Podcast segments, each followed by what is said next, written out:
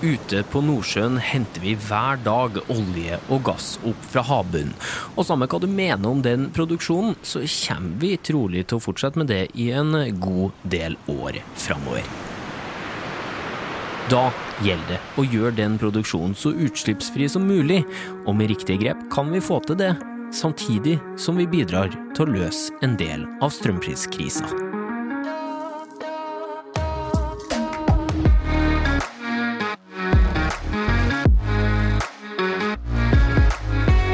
Hører podkasten Smart forklart med Aksel Faanes Persson. Hjertelig velkommen til en ny episode av Smart forklart, podkasten fra oss i Sintef der du risikerer å bli litt klokere og få litt større tro på framtida for hver eneste gang du lytter innom. I denne episoden så handler det om eh, hvordan vi kan kutte i utslippene på norsk eh, sokkel, et eh, sted der vi rett og slett må ta grep, og det er ganske kjapt om vi skal lykkes på miljø- og klimafronten her i Norge.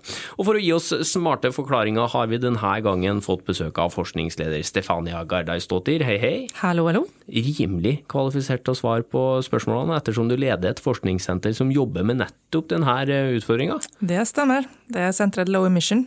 Det heter det. Glimrende. Og mannen som hvisker med vinden, da, Jon Olav Tande.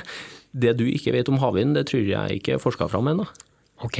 Ja, nei, men det er såpass, er det ikke da? Jo, vi kan si det. Ja, Det ryktes at du er en av verdens fremste havvindforskere, så det tror jeg vi kan si med sikkerhet. Kan ta med tittelen din også, da. Eh, Sjefforsker i Sintef, og du leder jo også et forskningssenter.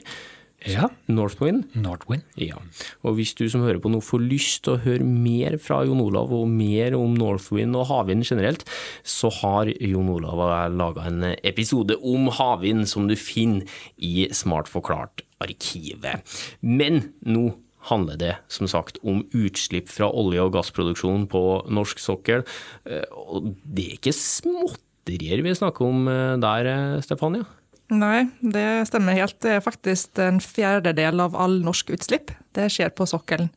En er fjerdedel? En fjerdedel. 25% Så det er ganske betydelige utslipp. Kan vi sammenligne med noe? Ja, vi kan eksempel sammenligne det med utslipp fra Trondheim kommune, der vi eh, er i dag. Um, Så eksempel om du tar en relativt eh, stor plattform der ute som produserer olje og gass, som eksempel Ekofisk, da slipper den ut litt mer enn dobbelt så mye som hele Trondheim kommune slipper ut i året. Så det er liksom inga, det er inga små verdier vi prater om der. Nei, det der var ganske heftig. Bare for forstå, at, eh, bare for å forstå jeg riktig nå. Det hele Trondheim kommune slipper ut til sammen, ganger to, Jepp. Litt mer enn to. litt mer enn to, Yes. i løpet av et helt år. Det slipper altså én plattform på Nordsjøen ut. Ja. Oi. Det er heftig. Men hvorfor, eh, Jon Olav, hvorfor er utslippet så høyt? Ja, det kan man jo lure på. Ehm, Det er fordi at det å pumpe opp olje og gass eh, fra havbunnen, det er en energikrevende prosess. Eh, Man har gassturbiner på plattformene stort sett som driver de prosessene. Og gassturbinene de brenner jo gass. Og når du brenner gass eller olje, så slipper du ut CO2. Og det er ganske store mengder energi du må tilføre for å få pumpa opp eh, olje og gass fra havbunnen. Det er litt som å eh, Jeg vet ikke om det er en eh, helt god sammenligning, da, men hvis du blæser ut eggehviten av et egg, altså at du tar høl på toppen og bunnen av egget med en nål, og så blæser du, du kjenner trykket inni deg sjøl for å få blæst ut på andre sida. Det litt sånn når man henter opp olje? Ja, det er kanskje en god, et godt bilde. For det krever som sagt en god del energi for å eh, generelt, eller vanligvis, trykke ned vann ned i brønnen for å få ut olje og gass på den andre siden. Så det er en ganske energikrevende prosess, even om du får mye energi opp fra den andre siden. Ja. Ok, eh, så vi bruker mye energi utpå her. Eh, det blir store utslipp. Eh, og da er jo spørsmålet hvilke konkrete grep kan vi ta for å redusere utslippene? Um, det finnes jo en, en, en portfølje med teknologier som du kan bruke for å få ned utslipp. Um, og havvind er jo en av de teknologiene. Um, en annen teknologi som er jo mye diskutert i dag, er jo å få inn strøm fra land ut til sokkelen, altså elektrifisering fra land. Men sen finnes det jo også en del andre teknologier som de kan bruke for å få ned utslipp i både små mengder og større mengder. Og det er til eksempel um, energieffektivisering både i å få, altså pumpe eh, ut oljen og gasser, og så også selve prosesseringen som skjer oppe på plattformen når du sen skal gå og eksportere produktene videre. Um, en annen uh, løsning som finnes, er å bruke hydrogen eller ammoniakk. Det er altså to energibærere som ikke har karbon i seg, i stedet for naturgass i de her gassturbinene. Og da får du utslipp som ikke inneholder uh, CO2. Um, og så finnes det også en del andre teknologier, og det er en teknologi som vi f.eks. jobber med i low emission, da, er såkalte bunnsykluser. Og dette er en teknologi som du egentlig henger på gassturbinen som redan er på plattformen. Og da bruker du egentlig varmen og eksosen som kommer ut fra en gassturbin, for å drive en litt mindre dampturbin. Og da får du ekstra energi ut. Og da får du liksom mindre utslipp per energienhet. Mm. Og alle de her eh, små grepene kan man ta, men hva er det viktigste av dem? Hva er det som vil gi oss eh, størst effekt? Ja, Det som gjør størst effekt om du kan kutte ned utslippene fra turbinen helt og holdet. Og det er jo f.eks. elektrifisering, eller at du bruker karbonfrie brensler. For da kutter du i prinsipp kanskje 80-90% av utslippene med, med en gang. Ja, for Grunnen til at den gassturbinen er der og, og tilfører så mye energi da, som man trenger for å få pumpa opp den oljen og den gassen, er jo fordi at de her plattformene står så utrolig langt unna kysten.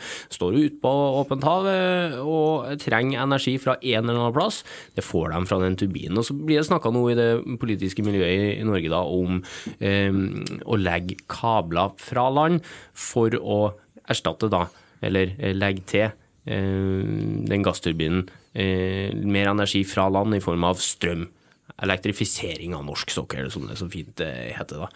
Jon Olav Tande, det er jo ikke noe sjokk at du da fighter for at det skal bli havvind utpå der, med din kunnskap. Og hvorfor mener du at havvind er løsninga her? Jo, jeg tenker at uh, Norge har jo store muligheter knytta til havvind, og utvikle en havvindleverandørindustri, og spesielt på flytende havvind, hvor Norge har en pionerrolle.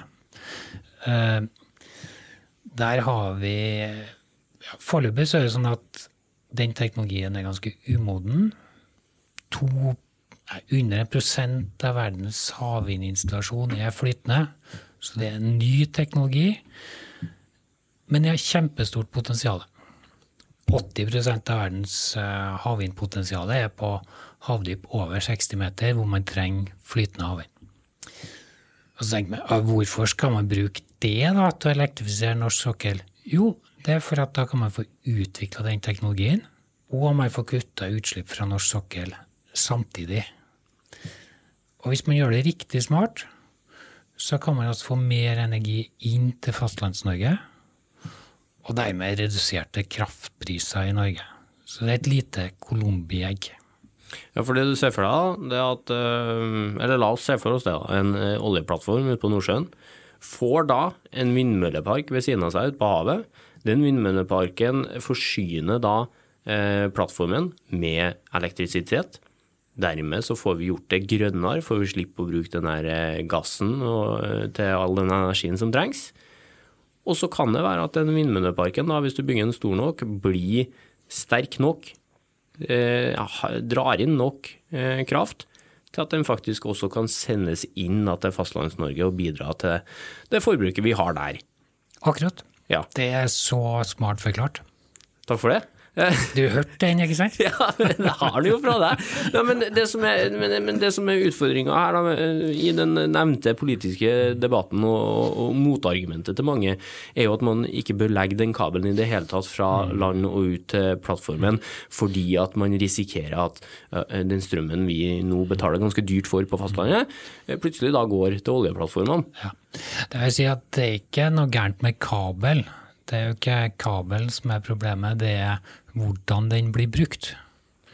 Mm. Hadde vi nå hatt nok kraft i Norge og lave kraftpriser, så hadde vi vel syntes at det var topp å sende den krafta ut av Norge også, til plattformene. Det er et godt formål for å kutte CO2-utslipp. Nå er vi i en situasjon hvor vi har eh, begrensa med kraft i Norge. Vi har høye kraftpriser. Vi ønsker på en måte å få mer kraftforsyning, lave kraftpriser. Og da ønsker vi egentlig å få tilført mer kraft til Norge. Men vi ønsker også å kutte utslipp fra norsk sokkel. Og da kan vi gjøre begge deler ved å bygge havvind nærheten til olje- og gassanleggene. Koble dem til eh, olje- og gassanlegg og koble det til land. Så at kraften til land er på en måte et kjempestort batteri. Men vi tilfører netto energi til land. da. Mm. Men det her er også viktig å, snakke om, for at uh, selv om man da uh, bygger havvindparker ved siden av hver plattform. La oss si at det skjer. Så vil man heller man vil aldri kunne kutte den gassen som Eller i hvert fall ikke med det første. Den gassen som nå står for mye av utslippet. Du kan redusere bruken av den, men det er jo nødvendig sånn sikkerhetsmessig, i backup-messig, å ha den utpå her, er det ikke det, Stefania? Mm, jo, det kan jo godt hende at du måtte ha et slags backup-system. Um, ja, du får i alle fall ha et system for, for å håndtere variasjoner i i vindproduksjon, da, om du har en vindpark stående bredvid. Så et slags løsning med batterier, eller at du har en, en, en, turbin stående for å kunne ta disse her dippene. Jeg kan jo si Det er jo tre måter man kan gjøre det på. Hvis du bare vindparken og olje- og gassplattformen, ikke noe kabel til land, så må gassturbinene og vindturbinene være i drift, begge deler. Da sparer man litt utslipp. 30% typisk noe sånt. Litt avhengig av størrelsen på parken, selvfølgelig. Det er betydelig det, da? Det er betydelig. Så kan man ha eh, med energilager, batterier, hydrogen, eh, pumpekraft, et eller annet, kan du spare kanskje opptil 70-80% Har du en kabel til land, så kan du kutte gassturbinene helt. Du kan det, ja. Da kan du kutte dem helt, for da er det den kabelen til land som fungerer for å ta ut variasjonene i vindkraftproduksjonen. Ja, det var jo Det var ikke dumt. Men hvor mange vindmøller trenger man da for å, å forsyne en hel uh, plattform? Altså, vi, Det må jo være en del hvis det er Trondheim ganger to vi snakker om i forbruk her? Ja, Spørs hvor stor plattform man snakker om, da. Men hvis du tar et prosjekt som nylig er gjennomført, eller som er i ferd med å bli realisert, som kalles Hywind Tampen, som forsyner to plattformer i Nordsjøen med kraft. Eller skal gjøre det, det blir satt i drift i løpet av i år. Så det er en vindpark på 88 megawatt, og den leverer ca. 30% en tredel av elforbruket på de to plattformene. Klarer jeg på å se for oss hvor mange Så, vindmøller det er? da? Ja, Det er 11 turbiner i tilfellet der. da. Ja. Kunne man tenkt seg at det var kobla til land, og man skulle levere ikke 30% men dobbelt så mye, som plattformene trengte. Så skal vi regne litt i hodet her. Så er det altså 88 ganger 3 ganger 2 som er svaret. Så røftlig 600 megawatts vindpark ville ha passa til å forsyne de to plattformene, pluss å få netto tilførsel av kraft til Norge. Hvor bra hadde det vært for den situasjonen vi er i på Fastlands-Norge nå, sånn strømmessig sett, den forsyninga som da vil komme derfra? Ja, Den ville kom i tillegg til annen kraftforsyning i Norge og alt annet likt, vært med å redusert kraftprisen i Norge. Ikke mye, men, men litt. Men hva gjør vi da? Eh, det Olje- og gassproduksjonen utpå der tar jo slutt en dag. Hva gjør vi da med de vindmølleparkene som står eh, tett opp til hver eneste ja. plattform utpå her? Det er jo det som er kult. da. Hvis du har den kabelen til land, så kan jo bare vindmøllene fortsette å stå der og produsere kraft til land. Så da er de på en måte uavhengige av den olje- og gassproduksjonen, og likevel være nyttig. Er de kun kobla til olje- og gassfeltene, så er det litt sånn ok, når olje- og gassfeltene er slutt, så må man finne en ny løsning for bruk, da. Mm. Man kan vel i efterkant også bygge en kabel til land, da, når du ser at den eh, parken ikke lenger forsyner en plattform eller et felt? Ja, og det er jo også veldig riktig tenkt at man kan jo gjøre det her eh, stegvis. Man kan bygge en park, koble den til en plattform, bygge en kabel. Det trenger ikke å skje på en gang. Mm.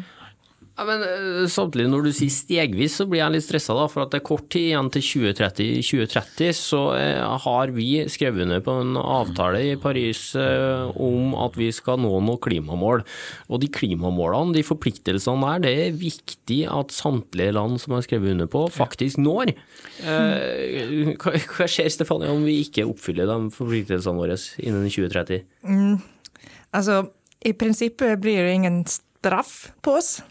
For det, jeg tror ikke at det er en, en slags um, Bøter sten, eller sanksjoner eller noe sånt? Nei. Men, men det greien er jo at desto lengre vi venter med å ta grep og at få ned utslippene, desto vanskeligere og dyrere blir det. Og man ser jo redan i dag eh, effekten av klimaendringer, så det, det blir liksom ikke bedre desto lengre vi venter. Så det er heller kanskje spørsmålet hva må vi gjøre for å faktisk oppnå våre mål? Det vil vi virkelig gjøre? Mhm. Eh, Og, og, og for å oppnå de målene, så ser jeg for meg at vi må ha med olje- og gasselskapene på laget. Eh, Absolutt. Hvor villige er de til å finne løsninger som kutter i utslipp utpå her? Og sett at de er mer og mer villige, og de har um, i mye større grad innsett at dette um, er en viktig sak for operatørene for å faktisk kunne fortsette uh, med noen virksomhet. De må få ned utslippen. Eh, og man ser jo mange av disse her oljeselskapene legger fram strategier på hvordan de skal bli mer eh, miljøvennlige og liksom få investert i fornybare teknologier og lavutslippsteknologier. Så vi ser i alle fall i, Low Emission Center en, en veldig positiv eh, utvikling egentlig i det. Og i mindsettet egentlig til, til selskapene. Ja, men Det er jo lovende. Det er en god start. Eh, Men eh, still det spørsmålet òg, da. Kan vi ikke bare slutte med hele pakka? Det er jo noen som mener det, at vi må bare stoppe eh, med den produksjonen utpå her. Og så ja, da blir vi jo kvitt utslippsproblemet enkelt på den måten, da. For det er jo, det er jo konsekvenser i det man Ja, utslippene i det man tar det opp er jo én ting, men utslippene i det man har sendt det til land og begynner å bruke det, olje og gassen, det er jo noe annet òg. Det kan man selvfølgelig gjøre. Spørsmålet er om det er en god løsning. Um, vi har en energisituasjon i verden og Europa i dag som er veldig krevende, for å si det mildt. Um, det er store mengder russisk gass som må erstattes. Uh, du får ikke på en måte bygd opp fornybar kapasitet i samme takt som du får erstatta den russiske gassen. Så akkurat nå så trengs norsk olje og gass som aldri før. Alternativet er å brenne kull, og det er ingen som vil. Det gir enda større CO2-utslipp. Det gir det dobbelte CO2-utslippet, og det har andre, andre miljømessige konsekvenser også, så det er virkelig ikke en god løsning. Eh, og så kan man gjøre noen ting med utslippene eh, når man brenner olje og gass med CCS. Og man kan, og man kan bruke eh, et tenke seg en framtid hvor man ikke produserer olje og gass på norsk sokkel, men hydrogen. Og det vet jeg Stefania kan forklare veldig godt. Jeg bare legg til at CCS betyr karbonfangst og -lagring, da. Ja. Ja, det stemmer. Ja, det, jeg tenker at det er et utrolig viktig element i å prøve å se litt lengre fram i tiden. Altså, vi trenger energi, eh, og vi trenger ren energi i framtiden. Og et element der er jo at omvandle naturgass, som vi per i dag da produserer på sokkelen, omvandle det til ren hydrogen. Så de da tar hand om CO2-en som kommer ut av en sånn prosess, og pumper det rett ned i bakken. Som vi har jo gjort i Norge i 25 år eller mer. Så vi vet jo liksom hvordan den teknikken funker. Og da kan man jo se for seg at norsk sokkel eh, fortsetter å være en energikjelle. Men nå leverer vi hydrogen, ren hydrogen i stedet for gass. Mange muligheter eh, til å fikse mange utfordringer, eh, men la oss snakke om den utfordringa vi starta med, da, eh, som handler om utslippene i produksjonen her. Eh, vi har det jo utrolig travelt. Når jeg har brukt ordet stegvis, så tenker jeg litt sånn at det er flere steg som skjer samtidig. Og Absolutt. at vi må kjøre på. Vi trenger å gå Vi må springe istedenfor å ta steg, da, egentlig. Og det, så det haster skikkelig. Og ja, det, det haster skikkelig. Ja.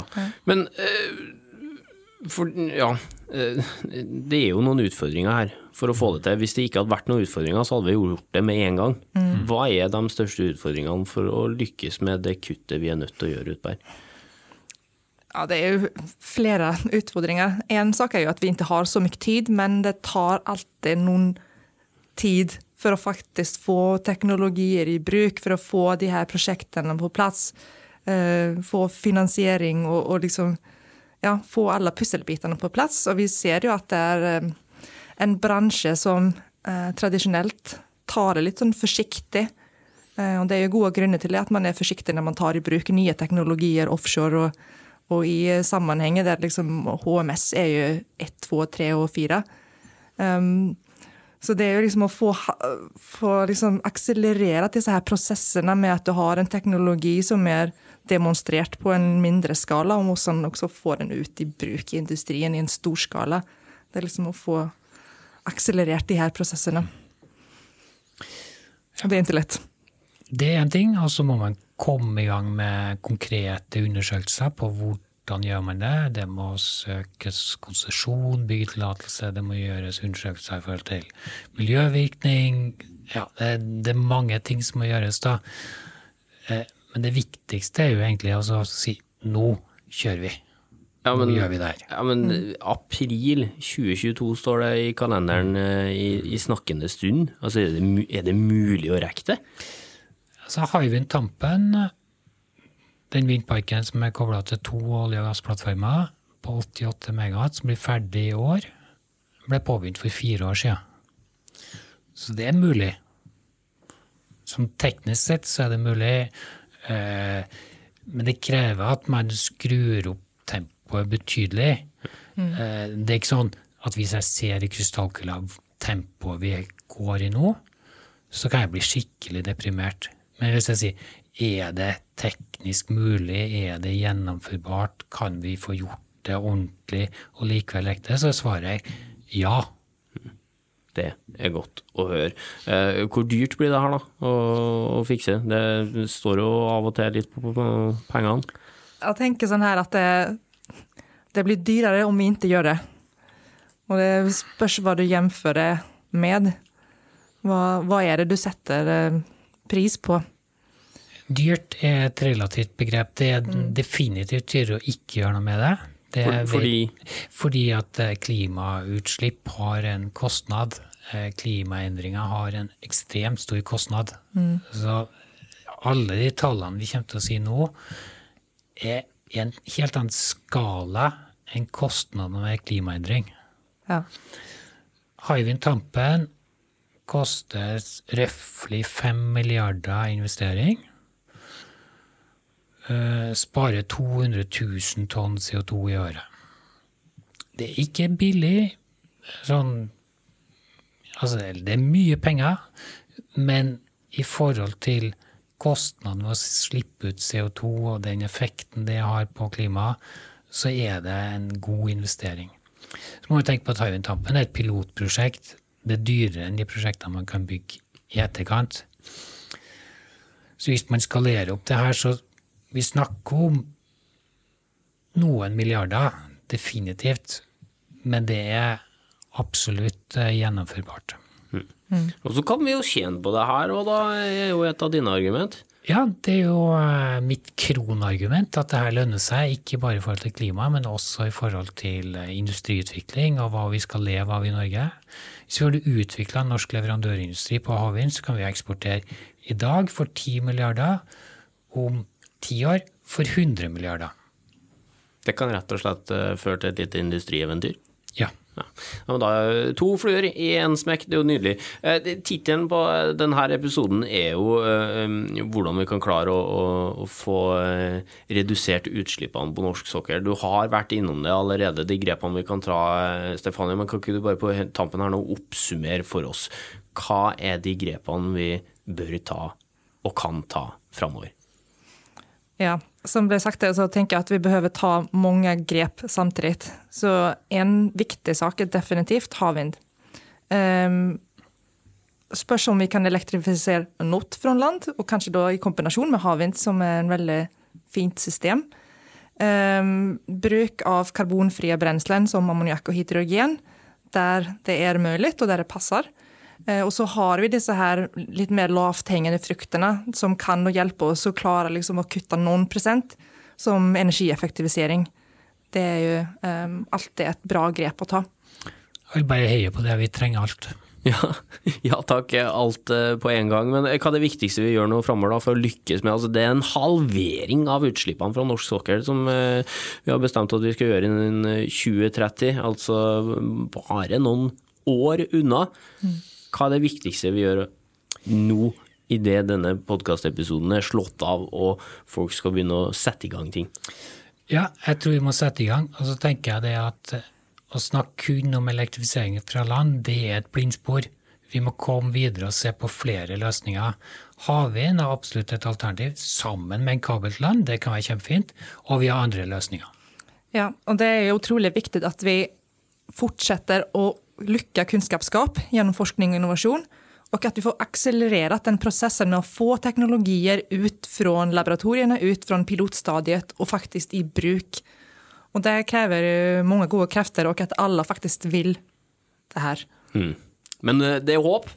Det er Absolutt. håp. Absolutt. Godt å høre, og så må vi bare få ut fingeren og komme i gang. Da. Skjønner jeg, eh, så hadde det jo vært helt magisk om vi klarer å halvere de utslippene her, for det var overraskende mm. store mengder. Eh, Stefania og Jon Olav, takk for at dere delte av kunnskapen deres her i Smart forklart.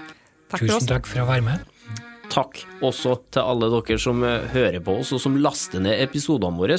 Det er utrolig artig at så mange er interessert i det vi lager. Om du liker det du hører, så må du gjerne tipse folk du kjenner om at eh, Smart forklart eksisterer, så kan vi få spredd litt eh, framtidshåp til enda flere. Og så er du selvfølgelig hjertelig velkommen til å abonnere eller følge denne podkasten hvis du ønsker å få varsel når vi publiserer nye episoder. Det skal være et sånt valg valg lett tilgjengelig der du fant eh, denne episoden. Har du ris, ros eller innspill til hva du ønsker at vi skal snakke om, så må du gjerne sende oss en e-post med det du har på hjertet. Den sender du til smartforklart alfakrøll Smartforklart i ett ord, alfakrøllsintef.no. Vi er tilbake med nye episoder om ikke så altfor lenge, og i ventetida fram til da skal forskerne her i Sintef fortsette å utvikle teknologi for et bedre samfunn.